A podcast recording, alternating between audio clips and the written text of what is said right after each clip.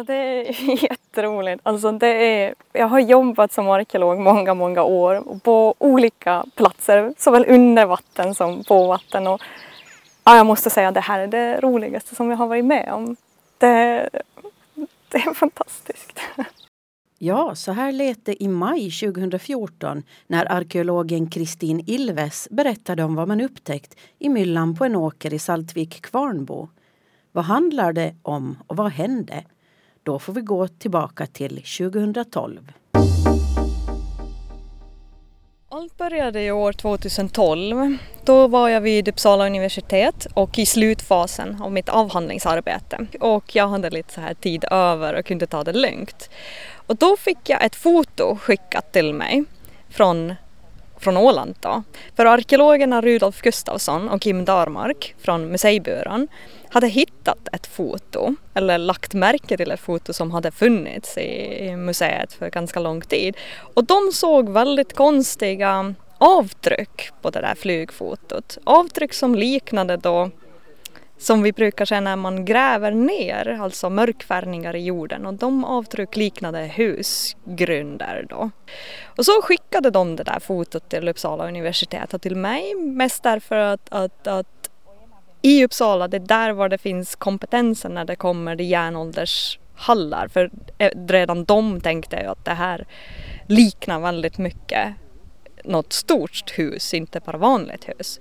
Så visar man den här bilden till professor Frans Herschend och eh, för honom tog det en sekund. Men det här är ju en hall! ropade han. Och så tänkte jag, men då så. Då lär det vara mitt nästa projekt efter nu, nu när jag har skrivit klart min doktorsavhandling. Det är det som jag ska fortsätta forska på. Fotografiet föreställde området kring Saltviks kyrka och byggnaderna borde ha stått på åkern norr om kyrkan. Det blev för Kristin Ilves att bege sig till Åland och Saltvik och se sig omkring på åkern. Kristin Ilves hade redan då en teori om vad man skulle kunna hitta spår efter, berättade hon för Albin Dalin. Ja, vad som döljer här är spår efter människan, om man säger så här lite luddigt. Men om man är mer exakt då har vi ett jättestort hus här som jag tror möjligtvis är en hall. Så att det är inte ett vanligt stort hus men en byggnad som har mer ceremoniell betydelse som förknippas med eliten och aristokratin. Det är en byggnad som till exempel är inte delad i mindre rum så att det är ett stort öppet rum vilket passar så väl för gästabud och fester och att ta emot ambassadörer och någonting i den stilen.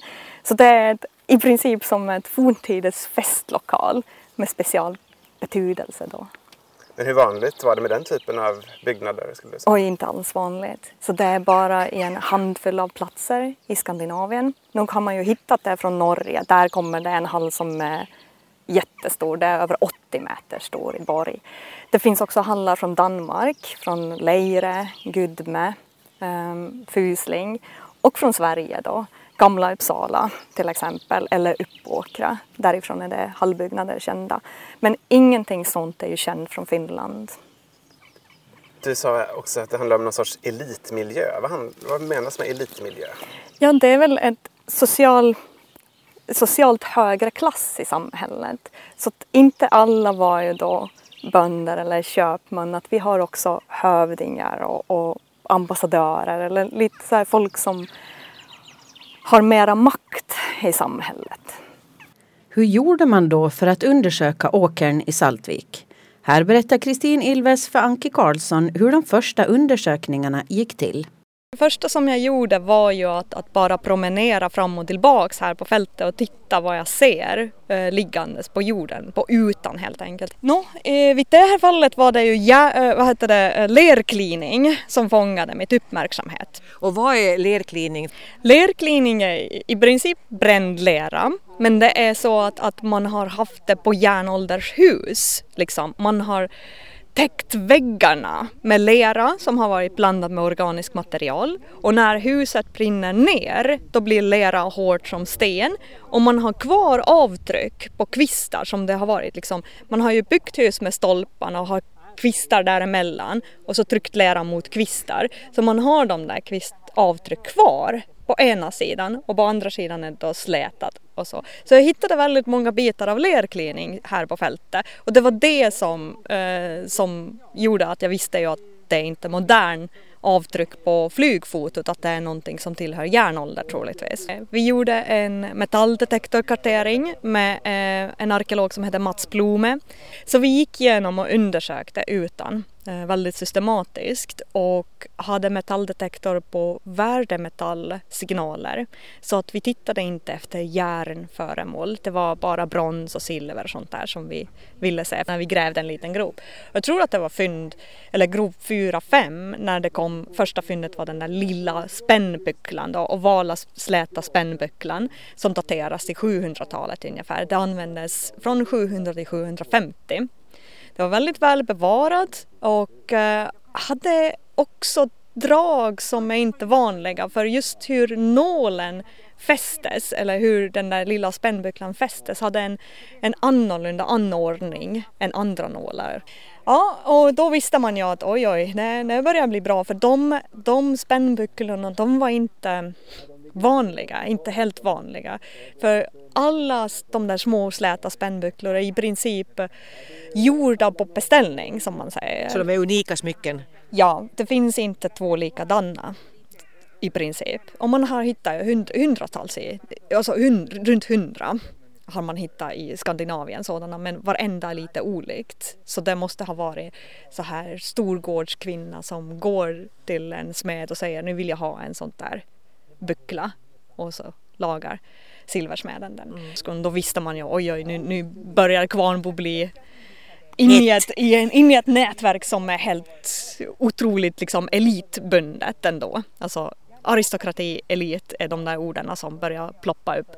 Och så kommer den där Uh, djurformade skålfibulor som de hette. Uh, ett föremålsform som också dateras till 700-talet uh, eh, och var vanligt i Bornholm, så, eller i syd, södra Skandinavien. Men just kvarnbospännet har diagnostiska drag som inte ses så ofta på de där uh, spännena då. För dels var det ju förgyllt så att man har haft förgyllning som en teknisk eh, eh så här eh, grej på det här spännet. Och så har den haft ett speciella fördjupningar eh, var man har spår av något mörkröd material i. Så jag tror att det kan vara granatstenar frågan om. Och, och spännen var man har använt sådana hantverkstekniska drag finns ju bara fyra från hela, hela, hela världen. Kvarnbo inklusive då. Ja, i Saltvik sommaren 2014 pågick provgrävningarna vid kyrkan för fullt. Kjell Brännström åkte till Kvarnbo och kollade läget med Kristin Ilves. Vårt syfte är ju att gräva igenom ploglagret ner till den där järnåldersnivå dit var, var då saker ligger i sitt originella kontext och mm. inte omkullkastade av plogen hit och dit men är precis där var de hamnade då under järnåldern. Och hur långt måste ni ner till då? Ehm, det är svårt att säga för man ser ju när man gräver. Men jag vet utifrån georadarbilderna att plogspår syns 30 centimeter ner vilket betyder att minst 30 centimeter är nog liksom omrört av plogen. Så kanske 35 centimeter då börjar de där orörda jordlager komma fram var vi kan se då. Konstruktionsdetaljer och just stolphål är jag jätteintresserad av i det här schaktet. För det är mm. det som jag hoppas att hitta. Klart om vi ser fynd runt omkring så kan vi också ja, prata om, om om platsen blev, blev lämnad fredligt, vilket är mycket troligt alternativ. Eller så, säg om vi plötsligt börjar hitta massa så här bilspetsar just där var väggen har stått. Då har ju någon anfallit, eller hur? Och då kan man berätta att oj, här var det lite oroligt före, före man lämnade platsen. Men alla var inte överraskade över att det funnits stora vikingatida byggnader i Saltvik. Konsthistorikern Åsa Ringbom sade att det funnits tecken på detta sedan länge. Egentligen är jag inte förvånad för det är, har varit solklart för alla som är det minsta insatta i arkeologi och Ålands historia att Bo har varit en otroligt viktig centralplats. Eh, då kan jag bara säga det att där ligger ju, kyrkan ligger intill landskapets allra största förhistoriska gravfält, Johannisberg, med nästan 200 gravhögar. Eh, själva kyrkan ligger i ett otroligt rikt fyndbärande område kallat den svarta jorden. Man brukar skoja att man knappast kunde sätta spaden in utan att göra fornfynd. Och Mats Deja tolkar resterna av en stolphålsbyggnad under kyrkan som en stavkyrka. Men det var det nog inte utan det var helt enkelt en av husen som hörde till boplatsområdet som måste ha legat på gravfältet. Dessutom så har vi uppgifter från tidigt, alltså från 1322 om den här Kuria Saltvik, alltså den här, den här viktiga gården som då rent sägs att den under en längre tid hade varit kungsgård under svenska eh, kronan och sen övergick den till att bli eh, sån här prebendegård under Åbobiskopen. Det finns så mycket sånt här som liksom tyder på att, att det har varit väldigt viktigt område. Men det som jag tycker att har glömts bort i det här och jag är lite förvånad att helt och hållet eh, bortglömt är det otroligt viktiga fynd som gjordes på 1950 och 60-talet när Reja grävde ut Kohagen norr om den nuvarande fyndplatsen, alltså i, i Skogsbryne, bara några hundra meter ifrån, där man hittar faktiskt en, vad jag skulle nästan säga, stadslik bebyggelse med många, många hus som visar på en lång kontinuitet. De är byggda på varandra. Eh, de har ett tätt, ligger tätt som, som i en stad. Och, och, samtidigt märkte man att det finns flera andra sådana husgrunder i åkern som man inte då undersökte. Att där finns ju denna by som, som man här har efterlyst i, i tidningarna. Att, eh, som skulle kunna höra till. Alltså vi har haft bebyggelse både norr om den här hallen och på kyrkogården. Så att eh, på något sätt tycker jag att det är väldigt roligt att man har nu förhoppningsvis hittat den här hallen. Att det verkligen är det. För det passar som hand i handske in i bilden. Det är synd att det man har grävt, att det är inte ordentligt publicerat. Och undra på att inte folk känner till det. Undra på. Det borde nödvändigtvis kopplas in i den här forskningen nu. I synnerhet om det leder till vidare forskning liksom utöver det här hallen, utan äh, inbegriper just så att vi kan skriva om Ålands historia. Vid Kulturbyrån var både arkeologen Kim Darmark och landskapsantikvarie Viveka Löndahl glada åt fynden. Först hör vi Kim Darmark. Rent praktiskt så är det ju jättekul att det kommer en lämning som de facto inte, inte syns ovan mark utan äh, som ligger liksom dold under ytan och kräver liksom lite sofistikerad sakkunskap och, och, och, teknik för att hitta. Sen är det ju det att det utgör ett jättebra komplement till husarkeologin på Åland. Ehm, därför att de husgrunder vi har sedan tidigare är de här stengrundshusen som just syns ovan mark medan det här är eh, både av en helt annan typ och av en helt annan dimension också än, än de husen vi känner till. Plus att fyndmaterialet naturligtvis som vi har i det här skedet är, är oerhört spännande i sammanhanget. Det jag tror också man måste säga är just det här med att eh, vad jag menar med en upptäckt skriver inte om utan nu gäller det ju också att det kommer att finnas resurser för att kunna eh, fördjupa sig och forska kring det här för det är ju då ny kunskap, det är då vi kan kanske skriva om alltihopa. Ja, man kan ju säga det att den här typen av lokaler, om nu Kristins hypoteser är rätt, att det handlar om en hall och att man utifrån det kan foga ihop det här med ett aristokratiskt nätverk i, i Östersjöregionen så, så finns det ju en väldigt stark liksom, forsknings, ett starkt forskningsintresse, liksom, inte bara på Åland utan i Sverige, Danmark, Norge och liksom även utanför Skandinavien då, och där den här platsen kommer att åka upp direkt då, eh, i den diskussionen. Eh, sen kan man ju naturligtvis tänka sig eh, mer lokal nytta av det här i, i, turistiska syften eller men det är liksom en helt annan fråga det. Utgrävningarna under sommaren 2014 följdes av ett år av rapportskrivande för Kristin Ilves och analys av fynden. Det visade sig finnas några riktiga godbitar bland dem. Silvermynt från 800-talet från nuvarande Bagdad och en orientalisk bältesnit. Hasse Persson Bru intervjuar här Kristin i februari 2016. Nu får vi ju så här jätte inte konkreta bevis på att det har varit östliga kontakter eller att handel därifrån har gått även hitåt. Vi har ju i och för sig vetat det eftersom Åland har suttit som spindel i nätet mm. under vikingatida handel. Och, men det är ju roligt att hitta ändå bevis att även den här lokalen har haft de östliga kontakter. Arkeologen Kristin Ilves berättar att man nu funnit föremål från varje årtionde som den yngre järnåldern sträckte sig. Och det är fyndens karaktär som gläder henne mest. Att flera av föremålen har haft beläggningar av guld tyder på att platsen har varit ett maktcentrum under en längre tid ädelsmetaller sinade till Skandinavien. Så den personen som hade ändå råd att, att ha sina spännbucklor eller, eller spännen förgyllda måste ju verkligen ha varit rik mm. person. Mm. Fynderna såväl från början av perioden som slutet av perioden är ju av den eh, karaktären som är inte vanliga på platsfynd. Det är något utöver, det är fynd som pekar på aristokrati och elit. Till sommaren fortsätter utgrävningarna av den stora hallbyggnaden i Kvarnbo som härstammar från den yngre järnåldern. Jorden ska först finkammas på föremål. Därefter ska grävmaskiner ta fram konturerna till inte bara en utan troligtvis flera olika rituella hallar. En träbyggnad står ju inte flera hundra år som indikationen är att, att boplatsen har varit använd.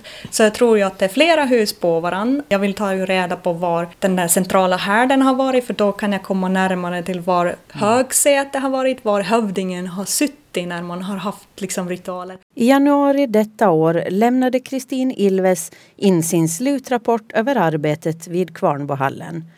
Vad kom man då fram till med de arkeologiska utgrävningarna? Vad blev resultatet? Ja, om man försöker sammanfatta det kort och koncist då har man ju kommit fram till att det har varit en stormannagård i Kvarnbo etablerad i början av yngre järnålder, det vill säga någon gång i mitten av 500-talet.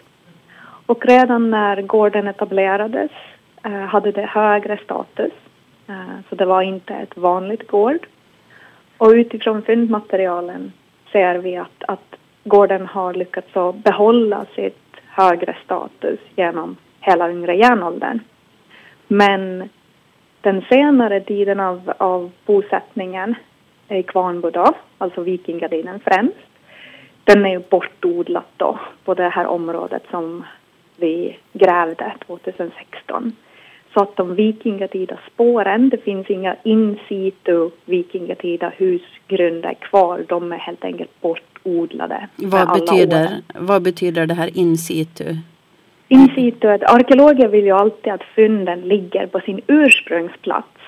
Eh, var det har hamnat då. Inte att det blir flyttat på något sätt. Men på en åker där man plöjer, då flyttas ju saker. Och eftersom inom arkeologin är det att, att de senare tidens aktiviteter hamnar på toppen så förstår du att när man äh, agerade under merovingertid att de spåren ligger djupare än vikingatida spåren. Och det betyder att när vi har plöjt på åker så är det först vikingatida spåren som raderas bort då före man kommer till merovingertid. Så på den åkern har den där vikingatida bosättningsfasen då suddats bort. Det finns ju kvar i fynden som ligger i blodlager. Men de där fynden är inte in situ. De, de rullas runt och de är inte på sin ursprungsplats. Så att den här hallen som fanns på det här fotografiet, hittade du den? Eh, den här hallen är bortodlad. Det är precis det som har hänt. Uh, under 70-talet när fotot togs, då var, det, då var det fortfarande synligt. Men det har ju gått 40 år från den tiden. Och moderna maskiner plöjer ju allt djupare och djupare så att, att man har helt enkelt um, bort den. Är det en besvikelse för dig Klart det är ju så att om man skulle ha gjort undersökningar direkt när man noterade platsen då, under 70-talet, för jag har ju förstått att det här fotot var inte ett, ett, ett okänt foto i byrån.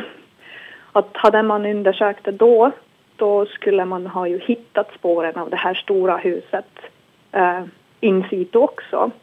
Nu har vi ju bara dokumentationen i form av det här flygfotot. Och det är ju visst lite tråkigt att inte ha kunnat hitta just det huset. Men samtidigt har vi ju hittat föregångare till hallen, till det där stora huset. Och eh, det har varit ju ganska förvånande ändå för vissa av de stolphålen och anläggningar var ju väldigt, väldigt majtiga.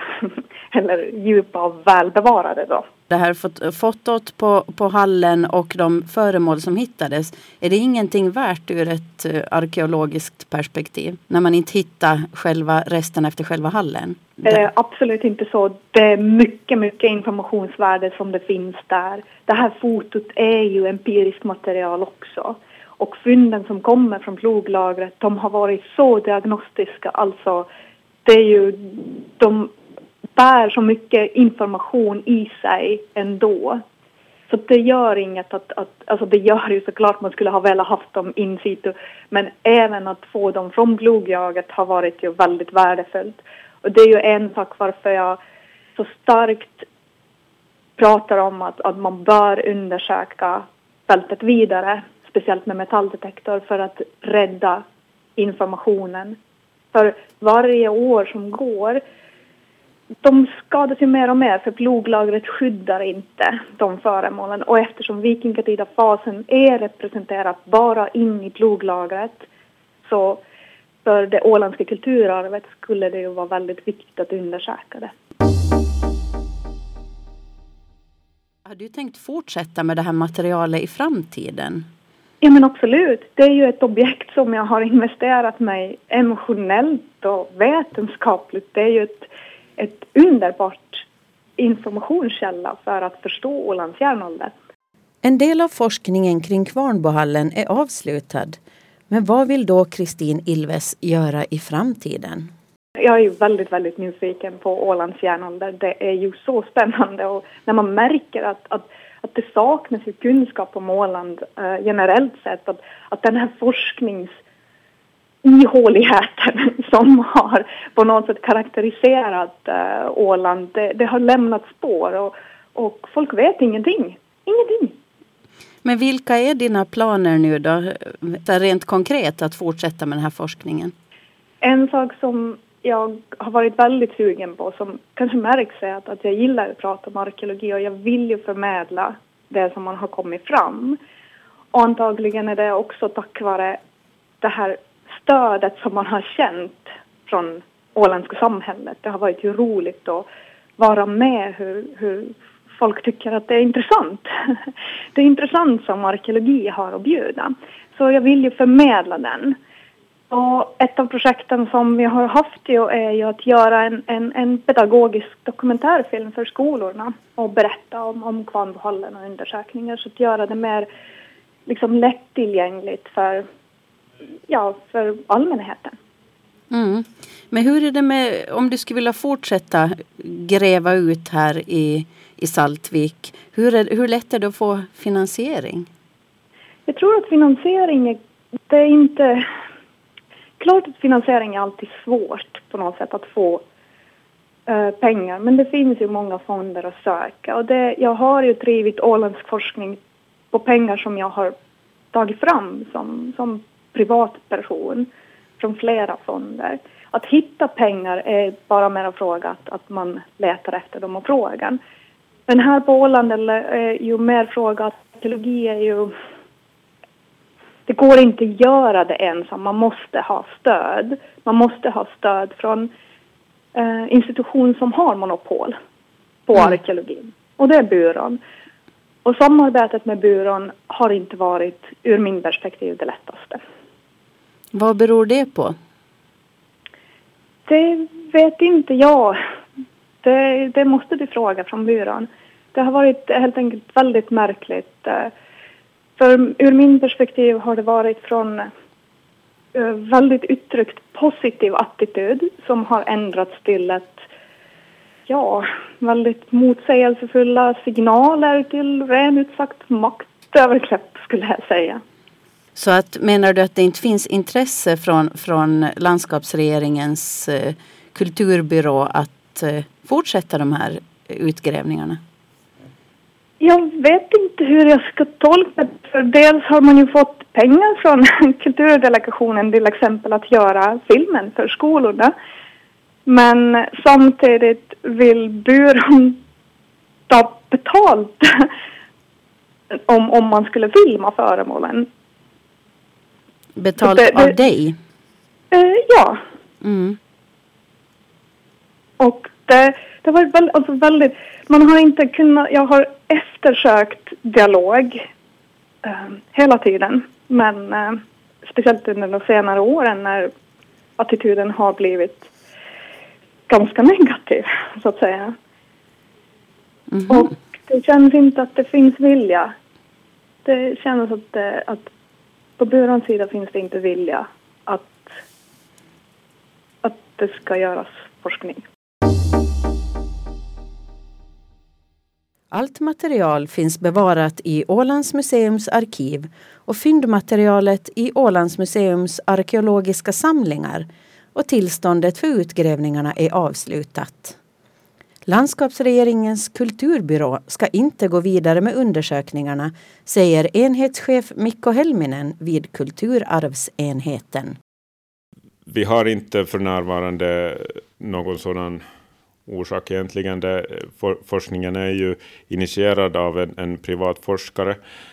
Uh, och uh, utifrån den där undersökningsplanen som, som vi har uh, bedömt tidigare och, och beviljat tillstånd för så, så, så det, det upplever vi att man har kommit fram i mål i den, den undersökningen.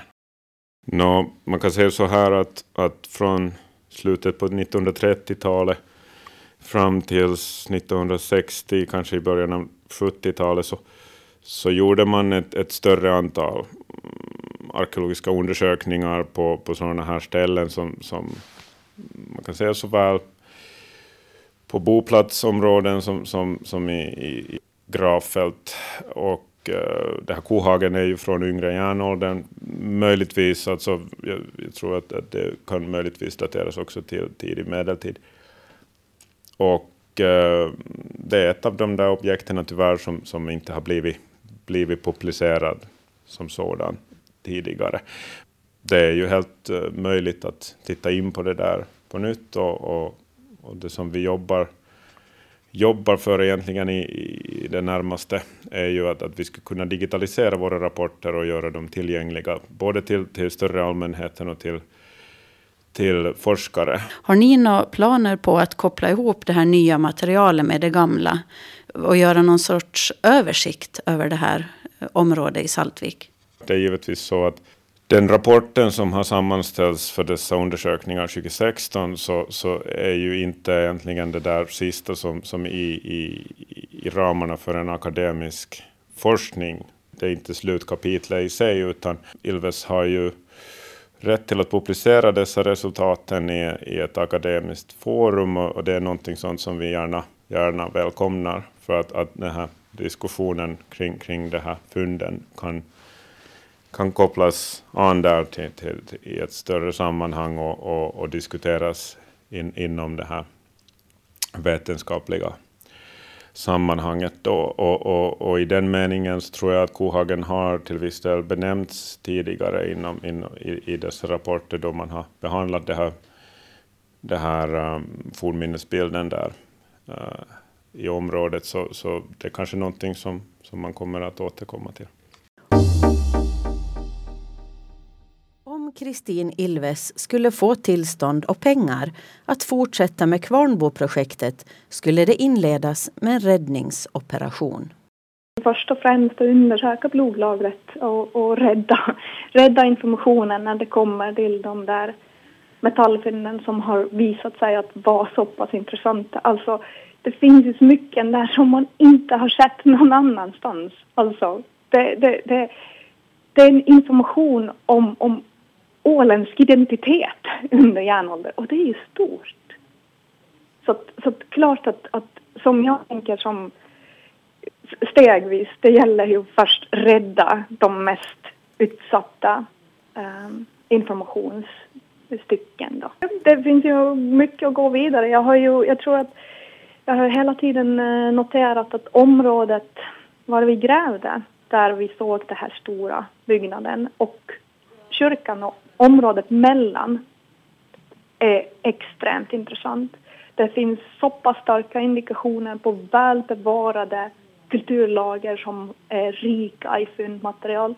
Och eftersom de ligger topografiskt lite lägre då har ju ploglagret i det här fallet skyddat de arkeologiska spåren som ligger under. Du menar då att, att på kullar så, så dras ploglagret snabbare bort ja, än, än, i gropar? Och, jo, precis. Och så är det ju naturliga processer också, vet du, erosion och när det regnar så jorden rör ju sig liksom neråt. Där var vi grävde, vi, vi, grävningen var ju dels styrd av, av eh, flygfotografiet med konturerna. Men också, det var ju styrd av igen den tanken att vi måste rädda informationen för det är mest utsatt plats på hela åkern. Så att vad vi grävde, vi visste ju redan från början att det är väldigt skadat just där. Men runt omkring tror jag är spåren bättre bevarade. Plus att jag har ju nog starkt trott från början att det, det här boplatsen är ganska så stor.